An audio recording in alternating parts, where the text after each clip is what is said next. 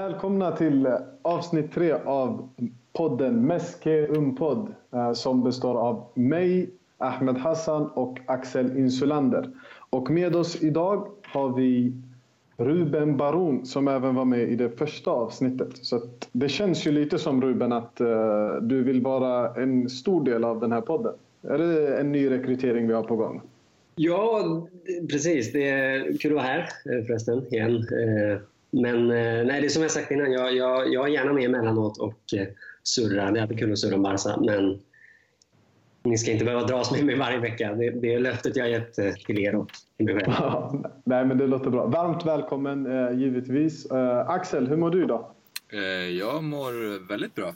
Det är, ju, mm. det är kul att prata om Barcelona just nu, trots allt som har hänt. Så att jag ser fram emot att sitta och surra lite idag. Jättebra, men då tycker jag att vi går in på det direkt faktiskt. Eh, Champions League är ju igång igen och otroligt kul att få se Barcelona spela i Champions League igen. Vad tycker ni om eh, första matchen? Jag kan ju personligen säga att jag var lite rädd över att vi fick Juventus i första matchen. Eh, om vi börjar där med Ruben. Ja, ja precis. först och främst, jag var väl med när jag också kände hjärtat i halsgropen där när man såg att vi fick Juventus. Men det var ju en väldigt bra match. Vi var ju väldigt bra och eh, om inget annat så var det väl en indikation på eller gav matchen en del indika indikatorer på hur vi är bättre nu än i fjol. Det tyckte ändå jag. Jag tyckte mig se en del grejer som var riktigt bra. Inte bara att Messi har steppat upp ytterligare. Ju. Jag tyckte att eh, mittfältet slash uppspelsfasen tyckte jag liksom det var ganska tydligt att vi är bättre i den delen av planen nu än i fjol. Det, det liksom, dels tack vare Semedo, dels eh, tack vare att Iniesta har liksom steppat upp ordentligt och ser riktigt bra ut igen. Och lite grann att Messi också är mer centralt i planen. Men jag, det, framförallt där kändes det som att vi har liksom återtagit kontrollen över mittfältet. Och då är ju ganska mycket vunnet redan där. Liksom. Nej, men en, en bra match, över, över förväntan. Absolut. Riktigt bra. Mm. Axel, hur känner du? Vad, vad är dina intryck av första matchen? Eh, jo, men absolut. Det var, det var en bra match. Det känns lite som att, eh, att eh, det var ju, de var ju revanschsugna och det känns som att de fick en ganska rejäl injektion av att det var eh, Juventus, det var Champions League, det var liksom så här, det är en ny tränare, det var väl helt nya förutsättningar från mötet i våras. Så jag tror de gick ganska mycket på, på liksom viljan att vinna också. Jag tyckte det syntes på spelarna.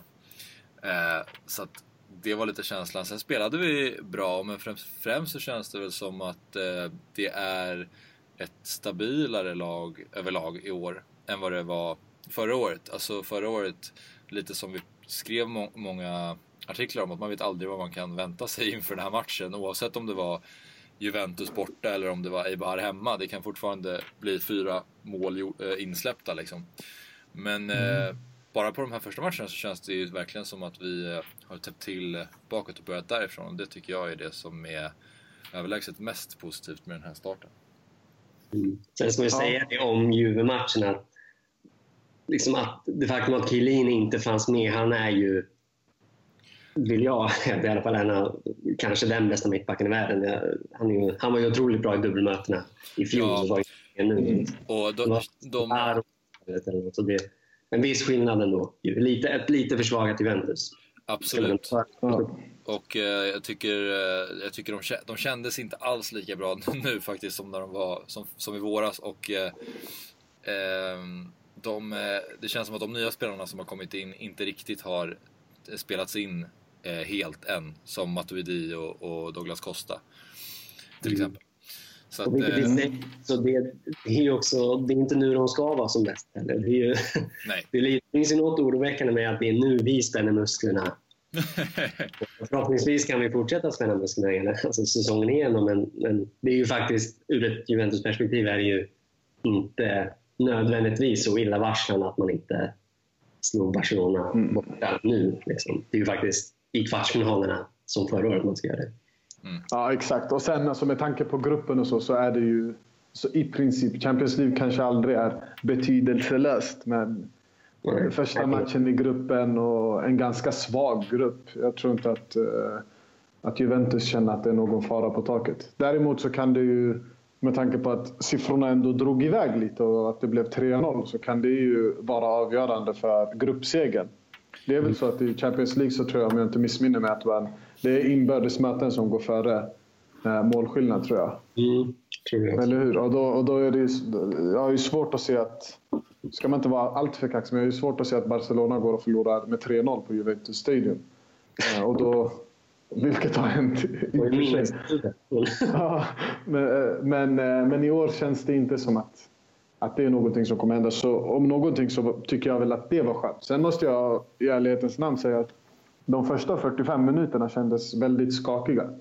Det är väl eh, efter Messis mål i slutet av första halvlek som jag känner sen att då tar vi över matchen. I andra halvlek så var det egentligen inget snack om saken. Utan det var, det var Messi show och det var Barcelona, en uppvisning av Barcelona tycker jag. Eller en väldigt bra andra halvlek av Barcelona. Eh, men i första halvlek tyckte jag att det såg lite skakigt ut och att eh, Juventus ändå hade ett par eh, halvchanser där som, som hade kunnat sluta illa för Barcelonas del. Mm. Ja, precis, vi, vi, släppte ju till ganska, ganska många chanser i första halvlek, men jag tycker ändå, som jag var inne på förut, att när Juventus och andra lag för den delen, men om, om vi nu är inne på Juventus-matchen, när de sätter in sin högre press, då kändes det ändå så att vi, vi kan hantera det på, på ett bättre sätt än, än i fjol. Mm. Tycker jag mig ändå se. Liksom, och som sagt, det, dels, eh, jag tror Semedo, är, vi tjatar om Semedo, men, men att ha det är dels mittfältet, men att ha en, en så bolltrygg ytterback, det, det, är ju inte oviktigt i uppspelsfasen. Liksom. Ju mer trygghet, desto, desto enklare kan vi hantera när motståndare sätter in en hög press. Så det, det tycker jag ändå var tydligt där och då. Sen var inte insats Definitivt. Den, Definitivt. Nej, så, så är det. Alltså det, är ju, det är en väldigt stor skillnad. Det är ju första gången som man känner att vi har ersatt Alves på riktigt. Och det kanske till och med var så att men, Alves under sina sista år, även om vissa av de åren blev riktigt bra till slut, så var det ju, det var ju ändå en Alves på nedgång. Uh, där känner jag inte riktigt att vi, uh, varken ledningen eller uh, Barcelona överhuvudtaget tog den problematiken, högerbacksproblematiken på, på fullaste allvar. Och det syntes ju inte minst förra säsongen. Så att en sån bolltrygg spelare som Semedo, det, det syns ju vilken impact han har på laget. Så... När, Ja, fortsätt. Nej, det är bara köra. Nej, men han är så fruktansvärt explosiv tycker jag. Det är helt bisarrt. Alltså, han, ja. Om han tappar bollen så är han ju där på tre superrappa steg igen. Det var som den straffen han skapade hemma mot eh, mm. som, som Messi gjorde. Ja, den är helt han, han, han ligger ju fan två meter efter när bollen slås av Iniesta typ. Och lyckas komma in framför och bli tacklad i ryggen. Alltså, snabbheten kombinerat med den eh, tekniken gör ju att han, han känns ju verkligen som ett supernyförvärv alltså. Mm, ja, och med den prislappen också så känns det ju faktiskt i dagens marknad som ett riktigt fynd. Sen får vi se, det är fortfarande i början av säsongen och det är ju som Ruben säger, det är i slutet av säsongen man ska summera. Mm. Men eh, starten har varit väldigt, väldigt lovande och det kan visa sig vara en av Europas bästa värvningar eh, till det priset om, om han fortsätter på inslagen väg. Mm, ja. Om vi går vidare lite då. Hur, hur, tror ni att gruppen går? Nu har vi fått en bra start. Uh, Juventus tre poäng bakom redan från början. Psykologiskt viktigt skulle jag vilja säga. Vad, vad tror ni? Tar vi första platsen? Utan att ha en fena på vare sig grekisk eller portugisisk fotboll så känns det väl som att åtminstone Sporting, portugisiska lag, de är känns inte som de, de allra mest defensiva organiserade lagen. Utan det känns som att de är... Men, det är ju topplag i deras respektive ligor att de är bättre på att hålla bollen. Eh, och det känns det som att den typen av motstånd passar Barcelona ganska bra i år till skillnad från förra året. Eh, I och med att vi, vi nu kan vi har en mycket mer, ett mycket mer dynamiskt och bolltryggt mittfält vi kan spela runt motståndarna. Att, att lag som möter oss högt upp i planen blir straffade på ett helt annat sätt eller får inte blir inte belönade för sin höga press på, på samma sätt. Så på så sätt tror jag att vi kommer att städa av både Olympiakos och, eh, och framförallt Sporting Lissabon ganska, ganska enkelt. Nu får jag väl äta upp mina ord, men det, ja, det tror jag. Det, det, baserat, det enda man har att gå på är ju säsongsinledningen och med den bakom oss så, så borde det absolut bli så. Mm. Ja, och med, med det motståndet, om jag ska vara helt ärlig, så känns i alla fall Sporting Lissabon eh, alldeles för naiva för att de ska ha någonting att, för att de ska kunna mäta sig med, eh, med Barcelona. Det känns som att det inte är ett lag, precis som Ruben säger, som, som väljer att backa hem och satsa på ett 0-0 resultat. Utan de kommer ju gå och försöka spela sin fotboll. Och, och med den balans som vi har i dagens Barcelona, eller som det ser ut som eh, i inledningen av säsongen, så, så har jag också svårt att se att, att varken Sporting eller eh, Olympiakos ska kunna mäta sig med oss. Men eh, det, det, känns ju också som att Barcelona de senaste åren har varit eh, väldigt skickliga på att bara städa av Champions League-grupperna. Det, ju, mm. det känns som att vi har slagit Celtic med 6-0 typ fyra gånger de senaste sex åren. Alltså, det... Du får glömma Celtic-matchen där när vi hade, vad var det, typ 89% Malin Ja, nej det, det, det, är sant. Men, Never eh, se, nej, sant. Never forget. Men Celtic hemma förra året. Eh, ja. Det var ju helt... Det var, det var väl, eh, vad blev det, 7-1? 6-1? Ja, något sånt. Ja, något, något sånt, något sånt blev det. Och jag minns att alla sju mål var så här sinnessjukt snygga. Och eh, mm. alla Amigos gjorde mål. Det var härligt. Men, ja, 7-0 eh, Nej, men jag tror att Barcelona känns, eh, för att återgå till Champions League, så känns de ganska trygga i gruppspelsfasen. Och att det, de har varit skickliga där förut. Jag tror att man tar med sig det även in i, i årets upplaga. Mm. Och hur, långt, eh, hur långt går Barcelona då? Det ser stabilt ut nu, men vad, vad tror ni? Räcker vi till hela vägen eller vad, vad är förhandstipsen? Alltså, någonstans så... Det, det, våra utsikter i Champions League tycker jag liksom rimmar med den rådande situationen i Barca lite. Att det, det är liksom så otroligt små marginaler som avgör om vi kommer vara bäst i Europa eller om vi kan med Barca mått mätt falla igenom ordentligt. Alltså jag, det är så, som, som det är just nu, som vi har pratat om precis. Eh, vi gillar ju Barca att säga att dynamiken är bra, balansen är bra och Iniesta ser bra ut, Semedo har kommit in bra, Messi centralt i planerna och har fungerat, har fallit väl ut. Men jag vill ändå liksom...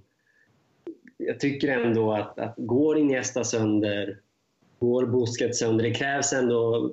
Det krävs inte mer än ett, en, ett par, tre skador på nyckelspelare så är problematiken densamma som i fjol. Det tror ändå jag. Och det, så någon typ av farhåga har jag ändå att det, det, det, det, hur bra det än ser ut så är fallhöjden ganska hög fortfarande i och med att truppen är så pass, eh, så pass tunn.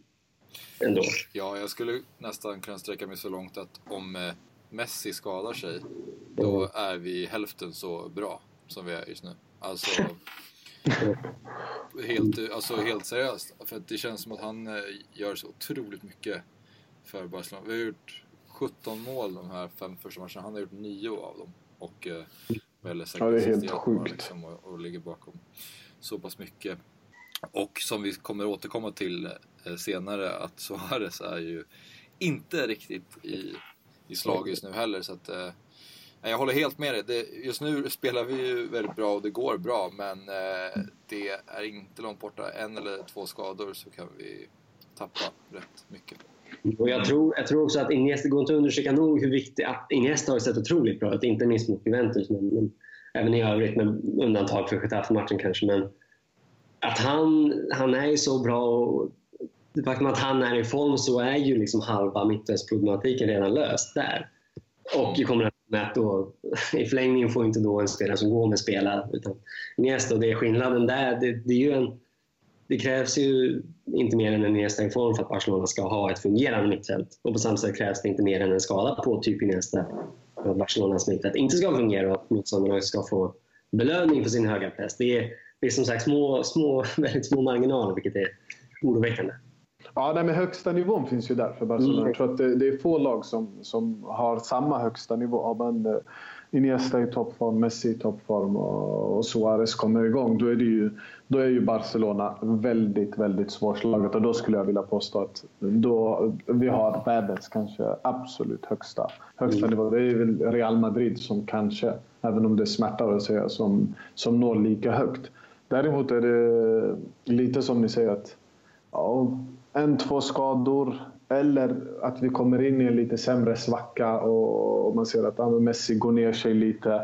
inte drar riktigt samma last som han har gjort nu, ja, då, då är vi kanske tillbaka till det som har varit Barcelonas problem de, de senaste åren. Det är, eh, det är väldigt, fortfarande tycker jag, vi är väldigt beroende av individuella prestationer. Vi är beroende av att Messi bryter sig igenom. Det är inte samma, fortfarande inte samma kontroll som vi hade på, på Peps tid. Och, och det är definitivt inte eh, samma kaliber av spelare eh, som vi hade då. Då är det svårt att...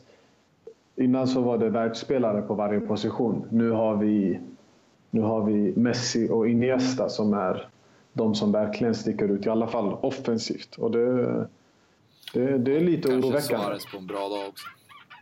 Ja, det kommer vi ju till lite. Eh, Får jag berätta lite om vad jag tror om Suarez.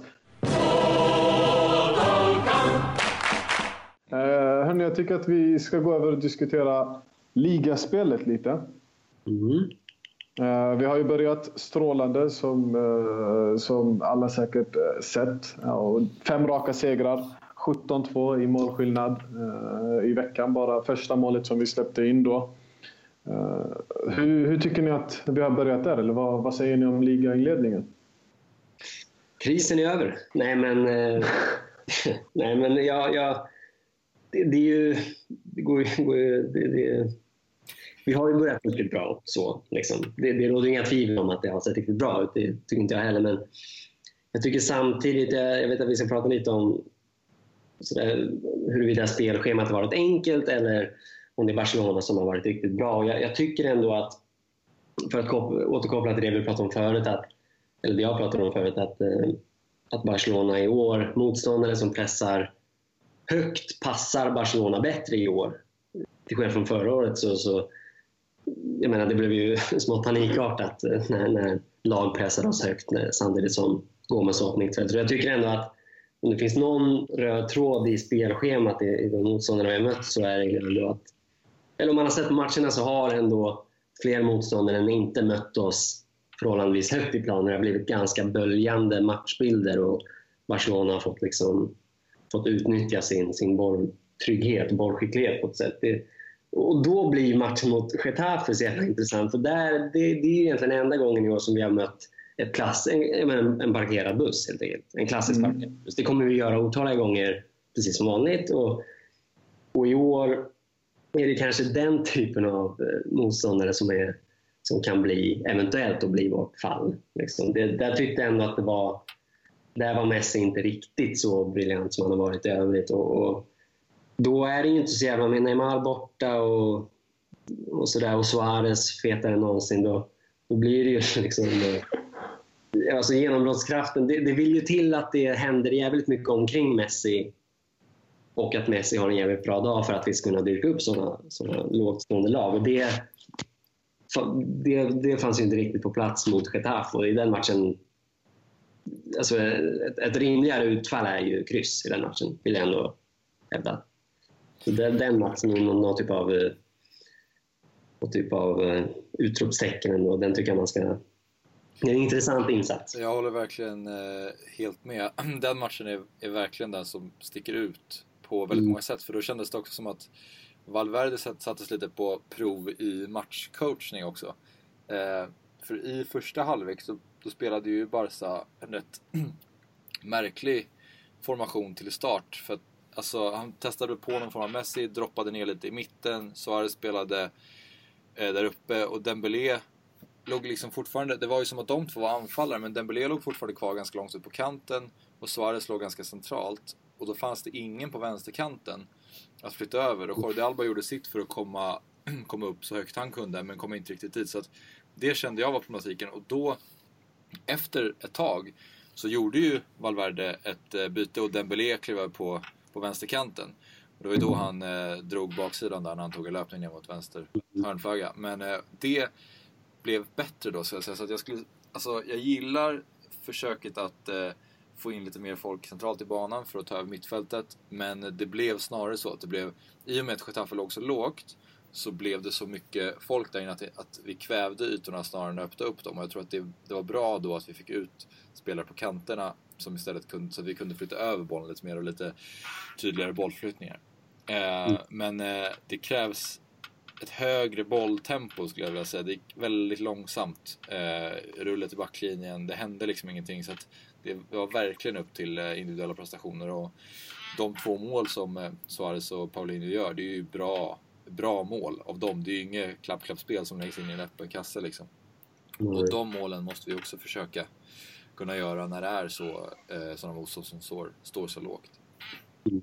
Men inte, är inte lite problemet där, eh, förlåt att jag bara hoppar in där, men är inte problemet lite att så vi, har, vi saknar ju genombrottskraft, vi saknar, vi saknar spelare som kan utmana sin gubbe. Det var väl lite det som var Neymars styrka och jag tycker att man, kunde, man fick se lite tendenser av uh, Dembélé också. Att, att det är en spelare som kan göra sin gubbe och, och gör man sin gubbe, ja, men då har man skapat rörelse i, i laget. Så det är väldigt stillastående. Det är väldigt många som väntar på. Det känns som att vi har två, tre spelare som alltid, alltid söker Messi och, och man väntar på att det är Messi som ska göra sin gubbe. Och det blir lite... Det blir ju svårt om ett lag läser det då och så lägger man en uh, punktmarkering på Messi och har två spelare där. Då, och då blir Messi lite låst och då känns det som att det finns ingen plan B. Där tror jag att det, det är viktigt att de spelare som kan utmana, vi har Dembélé, vi har Iniesta, nu är Dembélé skadad, men de två kommer ju också behöva ta ytterligare ett kliv och verkligen våga ta för sig. Uh, Iniesta vet vi gör det när, när han är i form så, så flyter han ju förbi och det är ju det som ibland skapar våra målchanser. Men jag tror att det är viktigt, förutom det här att vi ska passa oss igenom, så tror jag för att frigöra rörelse så behövs det en gubbe som, som man vet kan dra sin spelare och kan hålla i bollen lite längre utan att det blir stillastående. Mm. Ja, det är ju liksom alltid, jag ska bara ta snabbt, det, det, det är ju liksom Barca har ju, den ekvationen måste ju, har ju Barca liksom sen Guardiola, eller alltid i stort sett, men sen, sen, sen man själv, så långt man själv minns, behöver lösa den ekvationen. Liksom. Under Guardiola var det ju inte särskilt många utpräglade genombrottsspelare, utan då var det ju snarare ett extremt, löp, det var extremt löpvilliga spelare som som hela tiden prövade och stresstestade backlinjen. Typ Pedro, typ. Liksom. Det var ju, alltså, om man tittar på de matcherna, det är ju det är Messi och Iniesta som står för genombrottet med boll, men sen är det ju det är helt sjukt hur folk löper och stresstestar backlinjen hela tiden. Alltså, så, så det är där någonstans man måste köra den avvägningen, hur mycket att få in tillräckligt, som du säger, tillräckligt med genombrottskraft, men också kunna skapa, att löpa tillräckligt så att backlinjen faktiskt ställs på prov så det inte blir handboll helt enkelt. Ja, men det var mm. precis det jag tänkte säga också. Att det, är, det är en av de största skillnaderna från Peps era. För att då var det verkligen ett kollektiv och mm. det fanns inte riktigt den hierarkin. Alla visste väl att Messi var bäst, men sen så var det liksom... Det var... Eh, resterande spelare spelade tillsammans och det gjorde Messi också såklart, men han stod ju högst. Men det var ju därför när Zlatan kom till exempel, det funkade inte. Och, eh, för att han inte fick vara den stora stjärnan. Och nu har ju när Suarez och Neymar kom, de underkastade sig Messi, men de var ju fortfarande liksom att vi är fortfarande stjärnor, vi vill inte tappa någon form av status här och vi vill inte löpa på samma sätt som kanske Pedro gjorde när han spelade på, på sin kant. Liksom. Så det tror jag är ganska viktigt och därför tror jag också att det är farligt att eh, förlita sig på, jag håller med om att man kanske måste eh, kunna förlita sig på att eh, typ Dembélé eh, blir lite mer genombrottskraftig, men samtidigt så tror jag att det jag tror att det gynnar Barcelona mer om han försöker inställa sig i spelsystemet och spela mer för laget så att säga. Och därför, det är väl en av de få sakerna som jag tycker kan vara bra med, med Delofeo. Om man tittar på den matchen senast mot eh, Eibar mm. var det va? Då var ju han, han var inte han, det var ju lite jobbigt att se för han fick inte ut någonting av någon aktion han gjorde. Men jäklar vad han sprang och alltså han han var, måste varit helt färdig sen när han eh, klev av. Men för jag, jag tyckte det var så synd att han, han gav så mycket men fick ut så otroligt lite av sitt spel. Men jag tror att den typen av spelare gynnar Barcelona mer just nu mm. än vad det skulle göra att få in en fixstjärna som vill ta alla frisparkar. Typ. Mm. Men absolut, och Neymar, alltså hur bra han än var, han bröt ju linjerna med sitt en mot en-spel. Men som du säger, han, eller som du är inne på, han, han saktade in ner spelet. Han dansade och det var ju kul ja. att titta på. Och han var ju dominant.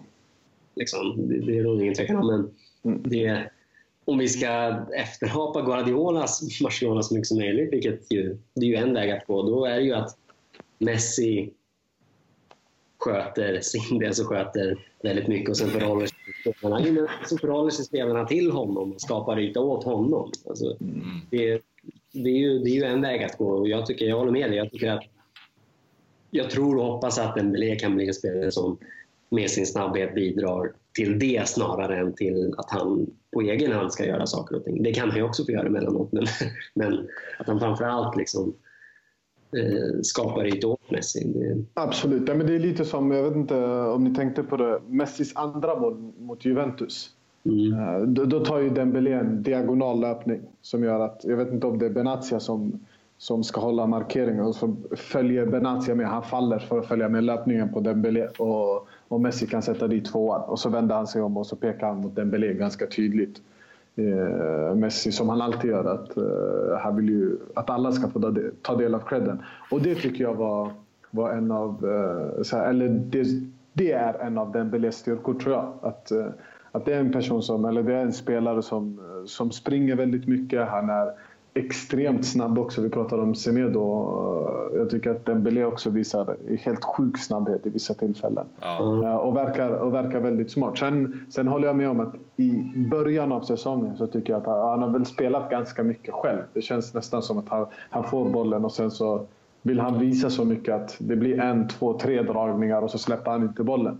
När det går snabbt, att han tar sig förbi en spelare och släpper bollen, men då har han frigjort en yta och sen spelar han vidare bollen. Och det tror jag, Eh, det är lite som han gjorde eh, i första målet mot Juventus. Då tar han emot bollen, tar sig förbi första spelaren och så släpper han bollen vidare till Messi. Den rörelsen tror jag blir viktig. Att, så vi behöver en, två, tre spelare som kan ta sig förbi en spelare och så spelar vi vidare bollen. Och sen som ni säger, vi behöver hålla i det som är då Peps arv, i alla fall i modern tid. Att vi är bäst när vi har bollen via marken och att den eh, trillas mellan en, två, tre, fyra spelare. Den enda som ska hålla i bollen en längre tid, det är Messi. Mm. Och sen håller jag, vill bara säga, jag håller med dig Axel om att Deulofeu, jobbig match för honom, men jag, håller med om att han, det händer ändå grejer kring honom och det faktum att han är så löpvillig, skapar ytor åt andra, det, det kommer att... Jag tror ändå att han... Liksom, den dåliga insatsen till trots och det, det, Ja, det lovar ändå mer. Liksom. och ja han, han har ju kvaliteter för att lyckas också. Han hade ju, han hade ju bara inte en bra dag. Det kommer ju trilla in eh, kassar också. Men alltså, jag tänker bara just med Pedro-referensen. Han skulle kunna bli liksom en, en Pedro-typ i sin spelstil som känns ganska uppoffrande men bra och gör mycket poäng liksom.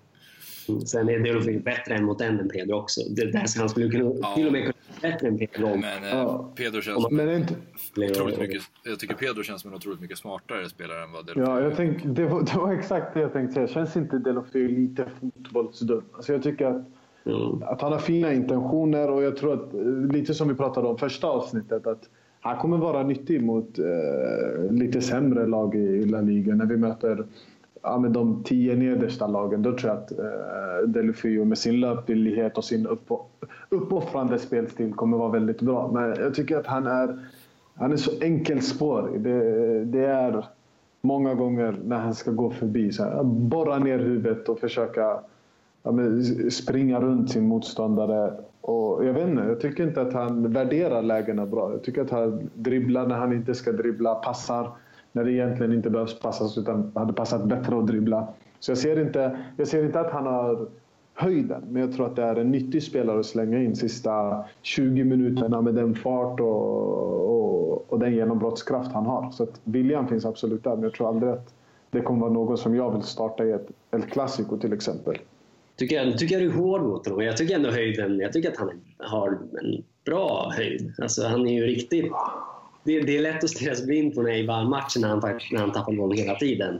Men han har ju, jag vill ändå slå ett slag för att han ändå är bra en mot en. Alltså riktigt bra en mot en. Att han kan gå förbi sin kille.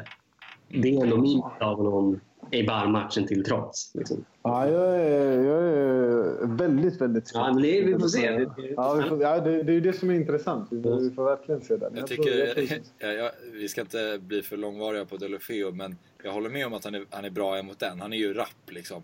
Eh, och han hade, det gick inte så bra för honom mot Eibar, men generellt är han ju duktig. Men eh, jag tycker så här, om man har spelat fem matcher och Barca har vunnit samtliga, varav några med, med väldigt många mål. och han knappt har varit inblandad i några av dem när man har Messi med sig. Tycker, jag tycker man ska, när man spelar tillsammans med honom så ska man faktiskt göra något. Ett mål kanske. Men det kanske inte mm. Men det kommer, det kommer komma. Han kommer nog inte gå mållös från den här säsongen, det skulle förvåna. Ja, det är alltid förvånat verkligen.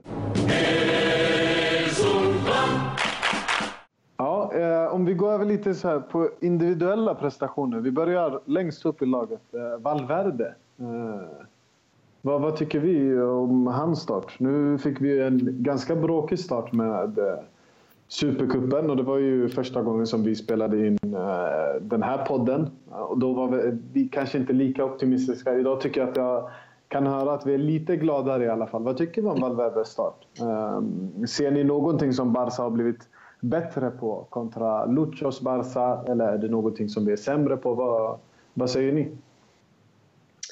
Eh, alltså, jag tycker ändå den lilla taktiska korrigeringen som har skett, att flytta in Messi och släppa kanterna med till Semedo och Alba eh, och eh, skapa diamanten på mittfältet med Messi i spetsen och, och flytta in forwards, alltså ytterforwarderna lite mer i planen. Det tycker jag är en bra lösning för att råda bot på mitt, alltså den fjolårets mittfältsproblematik. Att det ska överbelasta numerärt i mitten. Det tycker jag är en bra taktisk detalj. Liksom. Mm. Det tycker man ska ge honom. Men sen, sen är ju... Om man, om man liksom väger vad som är viktigast så tror jag ändå att det faktum att de individuella pusselbitarna har suttit, att Iniesta varit bättre, men jag tror att det väger ännu tyngre. Men kan man inte tillskriva lite av den i alla fall till Valverde då? Har inte sett till att få igång laget. Jag tycker att man kan se kontra förra säsongen, det känns som att spelarna är hungrigare. Nu är det lite klyschigt att säga, men det känns ju som ett mer taggat Barcelona. Det kan ju vara revanschlusta, det kan vara att en ny tränare har kommit in. Men känns det inte som att, att det är lite fler spelare som tror på det? Kan inte det vara anledningen till att Messi och Iniesta har blivit bättre individuellt? Alltså, de ser ju onekligen eh, hungriga ut, det håller jag med om. Iniesta framförallt. Messi är alltid bra, var bra förra året också. Eh, Iniesta ser ju riktigt straff ut. Alltså mot, så bra som han var mot eh, Juventus, så bra har han inte varit på, på länge, tycker jag. Han, var, han gick emot sin spelare ofta och, och, liksom, och gick förbi faktiskt också, inte bara försökte. Det, så det är klart att det, det måste man ju... Det är, vi har ju ingen insyn, men det är klart att vi måste tillskriva det Valverde lite grann. Alltså, vi, vi kan ju bara se utfallet. Så är det ju, men jag vet inte om jag kan liksom se en tydlig att jag helt och hållet kan se en, en korrelation mellan Iniestas position, eller alltså den taktiska korrigeringen, och Iniestas form. Det vet jag inte om jag kan översätta den liksom, varandra. Det, det, det, det, är ju svårt att, eh, som du säger, det är väldigt svårt att veta exakt hur mycket Valverde har, har hunnit påverka laget eh, i de här matcherna. Men det jag tycker, en, en eh, skillnad som jag tycker man ser är att spelarna tar ett större ansvar defensivt. Och jag, för jag satt och kollade lite noggrant liksom på hur, hur de ställer upp defensivt och eh, Delofeo eh, och Suarez som spelade på, på kanterna nu senast kom ner väldigt djupt när eh, Ibar hade inkast på offensiv planhalva och låg liksom strax ovanför ytterbackarna och eh, till skillnad från, från förra året så skulle jag säga att Neymar och Messi, när de spelade på varsin kant förra året, så låg de väldigt högt för att kunna kontra. Och det var ju då det blev de här matcherna med otroligt många mål framåt, men också otroligt mycket fler chanser bakåt. Så jag tycker att det känns eh, bra att vi har börjat liksom i rätt ände och försöka förbättra det defensiva spelet och göra det lite mer solitt, solitt där, där bak. Och om man kollar på de två mål som Barcelona har släppt in i i ligan, då är det ju ett drömmål av Shibasaki. Eh, som visserligen är ingen bra undannick av Piqué, men det är fortfarande ett otroligt bra avslut. Och sen så är det ett väldigt, väldigt bra inspel eh, av eh, Ibar-spelaren eh, in bakom Barcelonas backlinje, precis mellan eh, Ter Stegen och, och backlinjen. Och det, de är väldigt, väldigt svåra att försvara sig mot. De chanser som har uppstått skulle jag nästan vilja säga att det är för att Piqué har varit lite lat. Och till exempel det målet så är det för att han inte riktigt är på tå och Eibar hade ju ett friläge tidigt i matchen också. Eh, en djupledsboll som kom in bakom backlinjen. Då var det också Piqué som stod och sov lite. Men annars så har han varit bra och jag tycker Umtiti har varit väldigt bra. Jag tycker att backlinjen generellt har känts eh, stabil och Semedo i, i försvarsspelet också. Det är väl det som är en extra, extra bra med honom. Att han, eh, han känns ansvarstagande defensivt samtidigt som han är så snabb offensivt. Luis Suarez är någon som eh, väldigt många ställer sig frågande kring och det är eh, mycket diskussioner kring Suarez. Är Suarez på nedgång? Jag tycker att vi såg det lite förra året. Vi ser det idag. Dippande prestationer från vår vår stormålskytt. Vad, vad tycker ni om Suarez säsongs, säsongsinledning och tror vi att det kan bli bättre? Ja, alltså det är ju definitivt för tidigt för att dra några slutsatser om honom. Han har ändå varit skadad och, och sådär. Men med det sagt så ser han ju... Det är ju tydligt att han åtminstone för tillfället inte är lika snabb som han var för några år sedan. Och om det har att göra med skadan eller inte, låter jag vara osagt. Men han, det är tydligt att han dels har tappat lite speed och i förlängningen då så utgör han inte samma djupledshot vad gäller löpningar och, och, han blir ju mindre spetsig en mot en. Och, och det, är så, det är så roligt med Suarez då, om han inte då gör massa mål, vilket han just nu inte gör, eh, då är han ju inte bara medioker, då är han ju rent destruktiv för laget. Alltså, han, alltså. Han, alltså I spelet får han en felvänd, det är ju sex av tio så går den ju käpprätt åt helvete. Ja, och, och så här, alltså. Alltså det, det är ju, fallhöjden är ju där extremt hög. Han bidrar ju med väldigt mycket, men så fort han inte bidrar med det så förstör han ju en del andra grejer faktiskt. Ja, jag tycker det, det som är mest utmärkande, det tycker jag är att um som du sa, snabbheten och då så blir det så att han eh, eh, de här, han, brukar, han är väldigt trixig i sin spelstil och gillar att vända och vrida i straffområdet och han spelar ju exakt likadant som han alltid har gjort. Och då blir mm. han ju extra märkbart irriterad för att det funkar liksom inte lika bra längre. Det brukar kunna gå att släppa med sig den och vända och, och springa förbi motståndaren men de hinner ikapp honom. Och han ser faktiskt, eh, faktiskt lite, ser han inte lite större ut än vad han har gjort förut. Han ser, han ser inte lika flink ut liksom. Han har ju aldrig varit superflink men nu ser jag faktiskt nästan ett så här, kanske dags att köra lite fysträning liksom. Ja. Mm. Har suttit för mycket med Arda Suar, äh, Arda. Och, och, ja, nej, men det, jag håller med. Jag tycker att... Äh, sen tycker jag, måste jag säga att jag tycker han har blivit... Alltså, extremt trubbig. Det är klart att eh, han alltid haft sina skavanker och inte varit eh, likadant som Messi i bollbehandlingen. Men tycker ni inte att även touchen har blivit sämre? Jag tycker att han har extremt svårt att eh, ta emot bollen. Lite som du säger Ruben, så när han tar emot bollen felvänd, då vet du att tappar den 6 av 10. Jag skulle vilja säga att, att den har gått upp den siffran till 9 gånger av 10 så, så gör han sig ovän med bollen och tappar den. Mm, fast det har han ändå alltid, det vill jag ändå hävda att han alltid har, har varit så trubbig. Alltså, det är bara att han också har gjort hattrick och, skapat, och pressat sönder motståndaren och löpt djupled och skapat yta åt Messi och öppnat ja, försvar. Men var det verkligen i så här stor Ja, men det, tycker jag ändå. Han, han, har alltid varit så här. Jag har alltid ryckt mig i håret när jag han, han, Jag tycker alltid att det ser ut som att han, han ska ramla när han springer bollen. Alltså han springer på ett sätt som att det är så ja, det, nu, det, nu, han, nu, nu ramlar han. Men det är också så här, han snubblar bara förbi folk hela tiden och har lyckats göra precis jättemånga mål. Och jag tycker det som talar för honom, eller dels så är det ju så att det är, som du sa men det är lite för tidigt att dra så mycket slutsatser. Han kommer säkert landa på 20-25 mål efter säsongen ändå. Men det som talar för honom är ju att han är en sån vinnarskalle och har ett sånt målsug. Så han kommer ju inte, bara för att det går dåligt nu, det är inte så att han kommer vara mindre sugen på att göra mål eller att hans självförtroende framför mål kommer gå ner. Han kommer ju snarare tvärtom bara kräva det ännu mer. Och det mm. känns ju bra snarare att det skulle bli liksom en Fernando, Fernando Torres situation där han inte har en droppe självförtroende och liksom bara blir sämre och sämre för varje match. Det tror jag absolut inte. Nej, men det, det, tror inte jag heller. Sen ser man ju att så här, i den sista i avslutsmomentet så ser man, tycker jag, mot Espanyol bland annat när Dembélé passar in hur, hur, hur duktig han är på att avsluta och så här, hur kall han kan vara framför mål. Eh, det, det tycker jag, det, det, tror jag inte att...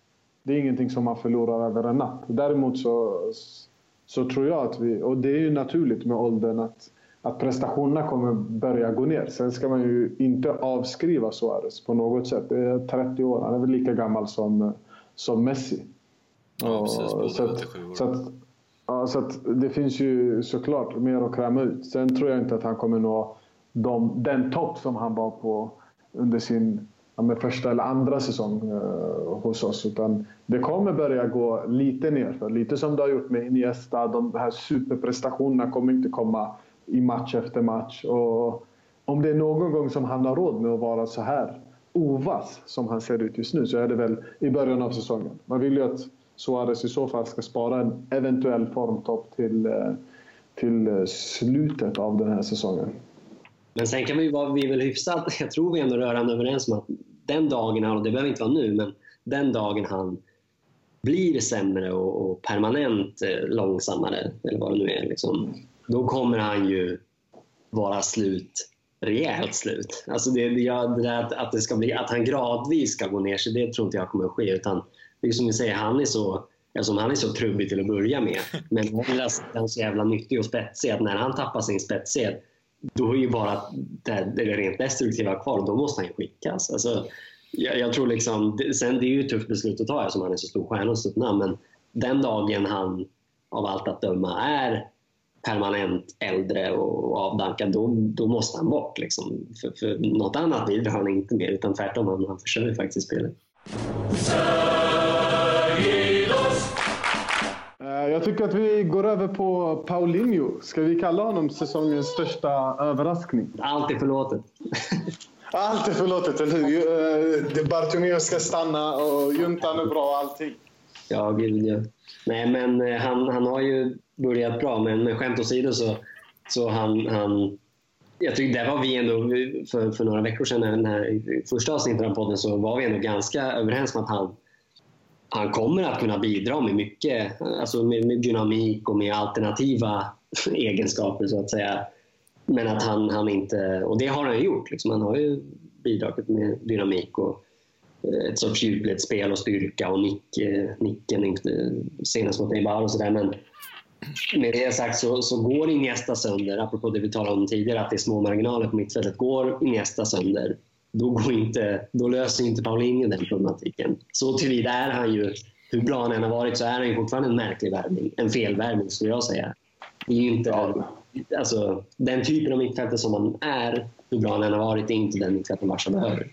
Ur ett nej, och, perspektiv. Eh, nej. och sen är det ju, han är ju inte en person som, som är tänkt som någon som ska varva med Iniesta. Utan I så fall, om han ska fylla någon funktion så är det ju på Rakitic position han ska, han ska spela på. Det jag däremot tycker är väldigt intressant med Paulinho, det är ju att nu när vi inte har lika bra kontroll på matcherna så kan jag ju störa mig väldigt mycket på att vi inte utnyttjar att motståndarna pressar högt och att vi inte utnyttjar att ja, motståndarna flyttar upp hela sitt lag och så ser man att vi försöker spela igång den från backlinjen. Ibland så behöver man en, två, tre spelare som går i djupled lite snabbt så att man kan lägga en längre boll och, och försöka, försöka hota på kontringar så att man trycker ner sina motståndare. Det tycker jag att vi var extremt dåliga på under Luchos eh, sista säsong. Då blev det väldigt mycket att ja, man kunde flytta upp som lag, pressa väldigt högt och så blev man inte straffad av det för Barcelona vi vill spela igång eh, från backlinjen och det är klart att vi ska behålla den identiteten. Men har vi ett lag som pressar högt då behöver man en, två, tre spelare som, som tar en djupledslöpning. Så lägger man två, tre bollar bakom backlinjen så trycker man tillbaka laget. Och där tycker jag faktiskt att Paulinho tillför väldigt mycket. Och det var kul att se målet mot Getafe. Att, att Paulinho skulle rädda tre poäng till Barcelona i säsongsinledningen. Det är ingenting som jag trodde skulle hända. Mm. Och, ja, men jag tror att det finns en viss funktion och en viss nytta av att ha honom. Sen eh, är jag helt med på det Ruben säger. Jag tycker att det är en, en felvärvning. Jag tycker, jag tycker att det är märkligt att vi har gått efter en 29-årig Paulinho från Kina. Men han har börjat väldigt bra och jag tror att han kan bli nyttig. Och, och i vissa matcher även eh, så här, bara ett, eh, ett, en bättre spelare än eh, Rakitic. Mm. Nej, men jag, jag tycker att det är en bra värvning om han används rätt. För han han måste ju spela tillsammans med två andra tekniska spelare, så är det ju. Om han spelar tillsammans med Busquets och eh, Iniesta, då fungerar han ju jättebra, precis som ni har sagt, i Rakitic-rollen. Men så länge, eller när han hamnar på mittfältet tillsammans med typ Rakitic och säger att, jag vet inte, André Gomes skulle hamna där också. Då... Gud förbjude. Ja, precis. Det, det hade ju varit... Ja. Men, men alltså, man, jag tycker han, eh, om man kollar på den matchen mot, mot Ebar, jag tycker ändå att han visar upp ett spelsinne som man kanske inte tänkt att han hade med till exempel den bollen som han släpper förbi sig när Messi gör målet. Liksom han släpper den mellan, mellan benen. Det tycker jag ändå signalerar någon form av eh, spelförståelse. Det är en kraftfull nick på hörnan. Så att jag tycker att han, visar, han har visat upp ett större register än eh, man kan tänka sig. Sen är han ju fortfarande ingen, ingen Verratti-spelare som man kanske egentligen hade velat ha in. Eh, alltså, du är inne på det, det handlar ju om dynamik och, och, och hur han bidrar med den pusselbiten. Men den viktigaste, de viktigaste pusselbitarna är ju Verratti-egenskaperna. Och det kommer ju alltid vara så länge Men jag tänkte bara för att återkoppla till det du sa. Det, det, mm. det är klart att han, jag tycker snarare, jag håller till viss del med dig, men jag tycker att snarare han är viktig, eller kan spela en, spela en viktig roll när vi möter riktigt låga försvar. Alltså, att, att det finns hans djupledsspel, hans annorlunda inom situationstecken. Ja. Hans annorlunda spel som kan ju dyka upp. Det såg vi mot Getafe. Liksom. Så jag tror snarare i de matchbilderna kommer att vara viktigt än när lag pressar högt. När lag pressar högt, då tycker jag vi ska kunna... Alltså där håller jag inte riktigt med. Jag tycker att vi ska då insistera på att spela kortpassningsspel. Men för att kunna göra det måste vi ha riktigt bolltrygga typer, alltså inte typer som Paulinho. Så jag, jag tycker liksom man, man blir sugen på att spela den långa bollen som under Enrique, men då blir matchbilderna böljande och då har vi plötsligt då blir det urvattnat liksom. Ah. Ja, men jag, tror, alltså, jag, tror inte, jag tror inte vi ska gå bort ifrån, eh, alltså, vår, ifrån vår identitet. Jag tycker att vi ska behålla att, att vårt första alternativ är alltid att spela bollen efter backen. Men däremot så tror jag att det som gjorde att, uh, att fler lag pressade högt förra säsongen, det var att att man blir inte straffad av att pressa Barcelona högt. Och det, där tror jag att det är viktigt att hitta, hitta en balans. Det ska inte, jag vill inte att vi ska bli eh, något Real Madrid där förstahandsalternativet i vissa säsonger, i alla fall under Ancelotti var att ja, men nu ska vi spela kontringsfotboll. Det, det, det ska vi aldrig bli.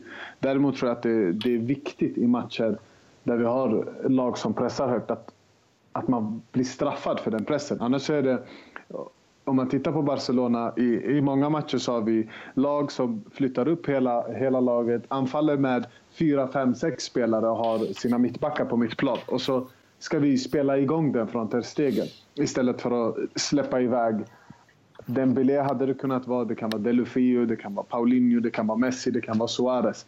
Eh, och göra det en, två, tre gånger, det tror jag gör att det blir lättare att rulla boll, så det blir lättare att hålla i boll. Mm. Så att jag tror att en mix eh, och inte... Jag är absolut inte för det här långbollsspelet, men eh, två, tre gånger per match och visa att man kan straffa ett lag om de kommer allt för högt. Det tror jag är nyttigt för Barcelona. Och det är ju det är inte så svart och vitt heller, det har du rätt i. Liksom. Det, det absolut inte. Men jag, jag, tycker ändå att det är viktigt att, att du, du använder ordvalet att vi ska straffa dem och det, det är ju sant, och jag, det är inte så svart och vitt. Ibland ska vi göra det också, men jag, jag tror snarare det viktigaste är att de inte belönas av att göra det. Alltså att man vänder på det. Att, att, att lagen inte... Vi är ju riktigt i knipa som förra året när lagen gör det och vi faktiskt inte... Ja, de får belöning för det. Mm. Lite oaktat huruvida vi slår en långälling. Det faktum att de, ja, de tar den från oss. Alltså, vi har inte bolltrygga spelare nog att kunna... Alltså, de, är inte boll, de är så... så alltså Gomes till exempel, han, han har inte den Barca-egenskapen, vilket gör att motståndarna belönas. Så jag tror där, det är där skon klämmer. Ja, jag, jag, jag håller med. Alltså, idealfallet är ju såklart att, eh, att, att vi kan spela oss ur alla lägen. Men jag tror att, jag tror att vi har kommit lite för långt ifrån det med spelarmässigt. Det, jag har svårt att se att att ett mittfält, även om det är... Men, det verkliga problemet. Liksom, ja, att ja. spelarna så att de tvingas spela rakare. Det är ju det verkliga problemet, apropå ledningen pitchen. Och, Men jag, jag, tror, jag, jag, tror ändå att det är så... Att, jag tror ändå att det, är li, att det är lite svart på vitt faktiskt. För att jag tror man måste välja väg. För jag håller verkligen med om att det är så här, ibland måste vi söka en längre boll, det hade varit det optimala. Men när man väl börjar med den vägen, om Valverde skulle säga så här, ja, men om ni hamnar lite i knipa, försök att sätta den mot en, en djupledsgående Dembélé. Då tror jag att spelarna successivt kommer söka den bollen oftare för att de kommer hamna i knipa väldigt ofta eftersom det är så Barcelona spelar. Och då kommer man komma längre och längre ifrån det, eh, den bolltryggheten som, som vi fortfarande pratar om att vi vill eftersträva. Så jag tror, att, jag tror att det är ganska viktigt att, som de fortfarande gör, i, i, nästan alla lägen bara vi ska rulla boll för det är så vi spelar. Och jag tycker att de här matcherna, en, en effekt av det, även om det inte har funkat optimalt, så har man sett att lagen har blivit trötta och Barcelona har varit mycket, mycket bättre i andra halvlek av de här matcherna. De första halvlekarna Barcelona spelat har inte varit särskilt bra, varken mot Eibar eller Getafe eh, eller säkert någon annan match också. Utan det är verkligen i andra, andra halvlek som lagen har Motståndarna har inte riktigt orkat och Barcelona har verkligen successivt kunnat jobba sig högre på banan. Och det tror jag man skulle tappa lite också om man skulle börja eh, slå längre. Sen finns det ju många lägen man känner att den passningen borde ha kommit där. Eh, och det optimala är ju att man har en fantastisk perfekt mix men jag tror att det är så, jag tror att det är så pass svårt att nå till den biten att, så här, att hitta exakt rätt läge när den bollen ska slås. Att det är, därför tror jag att det är lättare och i längden bättre att, att välja väg tydligare om du förstår vad jag menar. Och det såg vi under Enrique. Jag menar, det, var ju, det var ju fantastiskt, hans taktiska kalibrering. Det blev lite rakare. Det var perfekt där och då. Men det, effekten av det var ju, precis som du säger Axel, det blev ju att vi gick lite för långt. Vi tände den gränsen lite för långt och plötsligt stod vi där lite identitetslösa med Barcas mått mätt. Det, det, så jag tror jag håller helt och hållet med om att det, det krävs en sorts... Det är ju, man måste jobba kompromisslöst liksom, för, att, för att säkerställa Barcelonas liksom, framtida långsiktiga... Liksom. Ja, alltså jag vet inte om jag, jag håller med där. Det är klart att det är intressant att, eh, att vi inte är exakt uh, helt överens. Jag, känner, jag vet vilket spår ni är inne på. Jag tycker att, uh, jag tycker att man måste anpassa materialet lite efter spelare. Sen vill jag såklart... Vi alla är överens om att vi vill ha bollinnehavet och vi ska spela på Barca-vägen. Men jag tror att det är mycket en tränarfråga. Jag tror att man måste kunna ha inslag av något annat än extrem uh, tiki-taka. För där tror jag inte att vi är. Jag tror inte att vi har spelarna för det och jag tror att ska vi spela så så tror jag att det, det kommer sluta med fler förluster än om man är lite, spelar mer eh, inte naivt skulle jag säga. Jag tror att det blir lite med, med Iniesta som man inte riktigt vet vad man får ut av. Och Rakitic som jag tycker är alldeles för rak i sitt spel så tror jag att det blir svårt att spela sig ur varje enskild situation. Sen är ju såklart, jag är med om att optimalfallet det är ju att få in en Verratti och, kunna trilla boll mellan Verratti, Iniesta och Busquets. Men där, där är vi inte idag. Där tror jag att eh, det ligger på Valverde att hitta en bra mix. Sen eh, håller jag med om att eh, med Lucho, det, det gick överstyr. Men första säsongen där var ju riktigt, riktigt bra. Och det, och det är väl för att han fick ta över ett ganska passningsorienterat lag. Sen tror jag inte att han var tillräckligt skicklig för att, för att behålla den delen av spelet. Och det kommer ju gå åt helvete som du säger om vi försöker spela på det sättet kompromisslöst utan rätt spelarmaterial. Då kommer det gå åt helvete. Och det är ju det hela den rådande problematiken handlar om. Men å ena sidan har man Barcelonas kompromiss, taktiska kompromisslöshet som vi till varje pris håller fast vid. Och sen har man en klubb som inte kan bygga laget därefter. Och där understryker vi hela ja, krisen någonstans. Det som har lett till. Okej då grabbar, jag tycker att vi har pratat på. Vi har pratat på i dryga timmen nu eh, och tänker att vi ska runda av. Eh, några avslutande ord då Ruben, vad, vad säger du? När, när får vi se dig i podden nästa gång? Uff, jag vet inte. får ni, får ni se. Men, eh, eller det får vi se, ska jag säga. Nej, men eh, när som helst egentligen. Jag är alltid redo att hoppa in. Det är alltid kul att surra Barca. Och eh, avslutande ord, jag vet inte. Det är hoppingivande säsongsinledning. Det är väl någonstans där man, man landar. Så det ska bli kul och, och det, det, känns bra helt enkelt.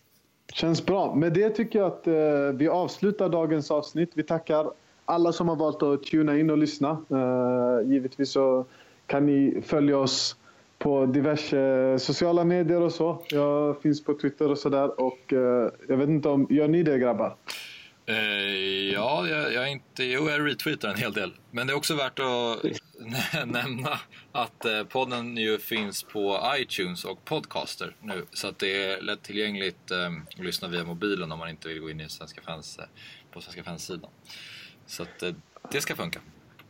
Ja, men jättebra, då säger vi det. Eh, tack till alla som har lyssnat. Eh, kom tillbaka till nästa avsnitt. Har ni frågor och funderingar så är det bara att mejla redaktionen eller hitta oss på Twitter.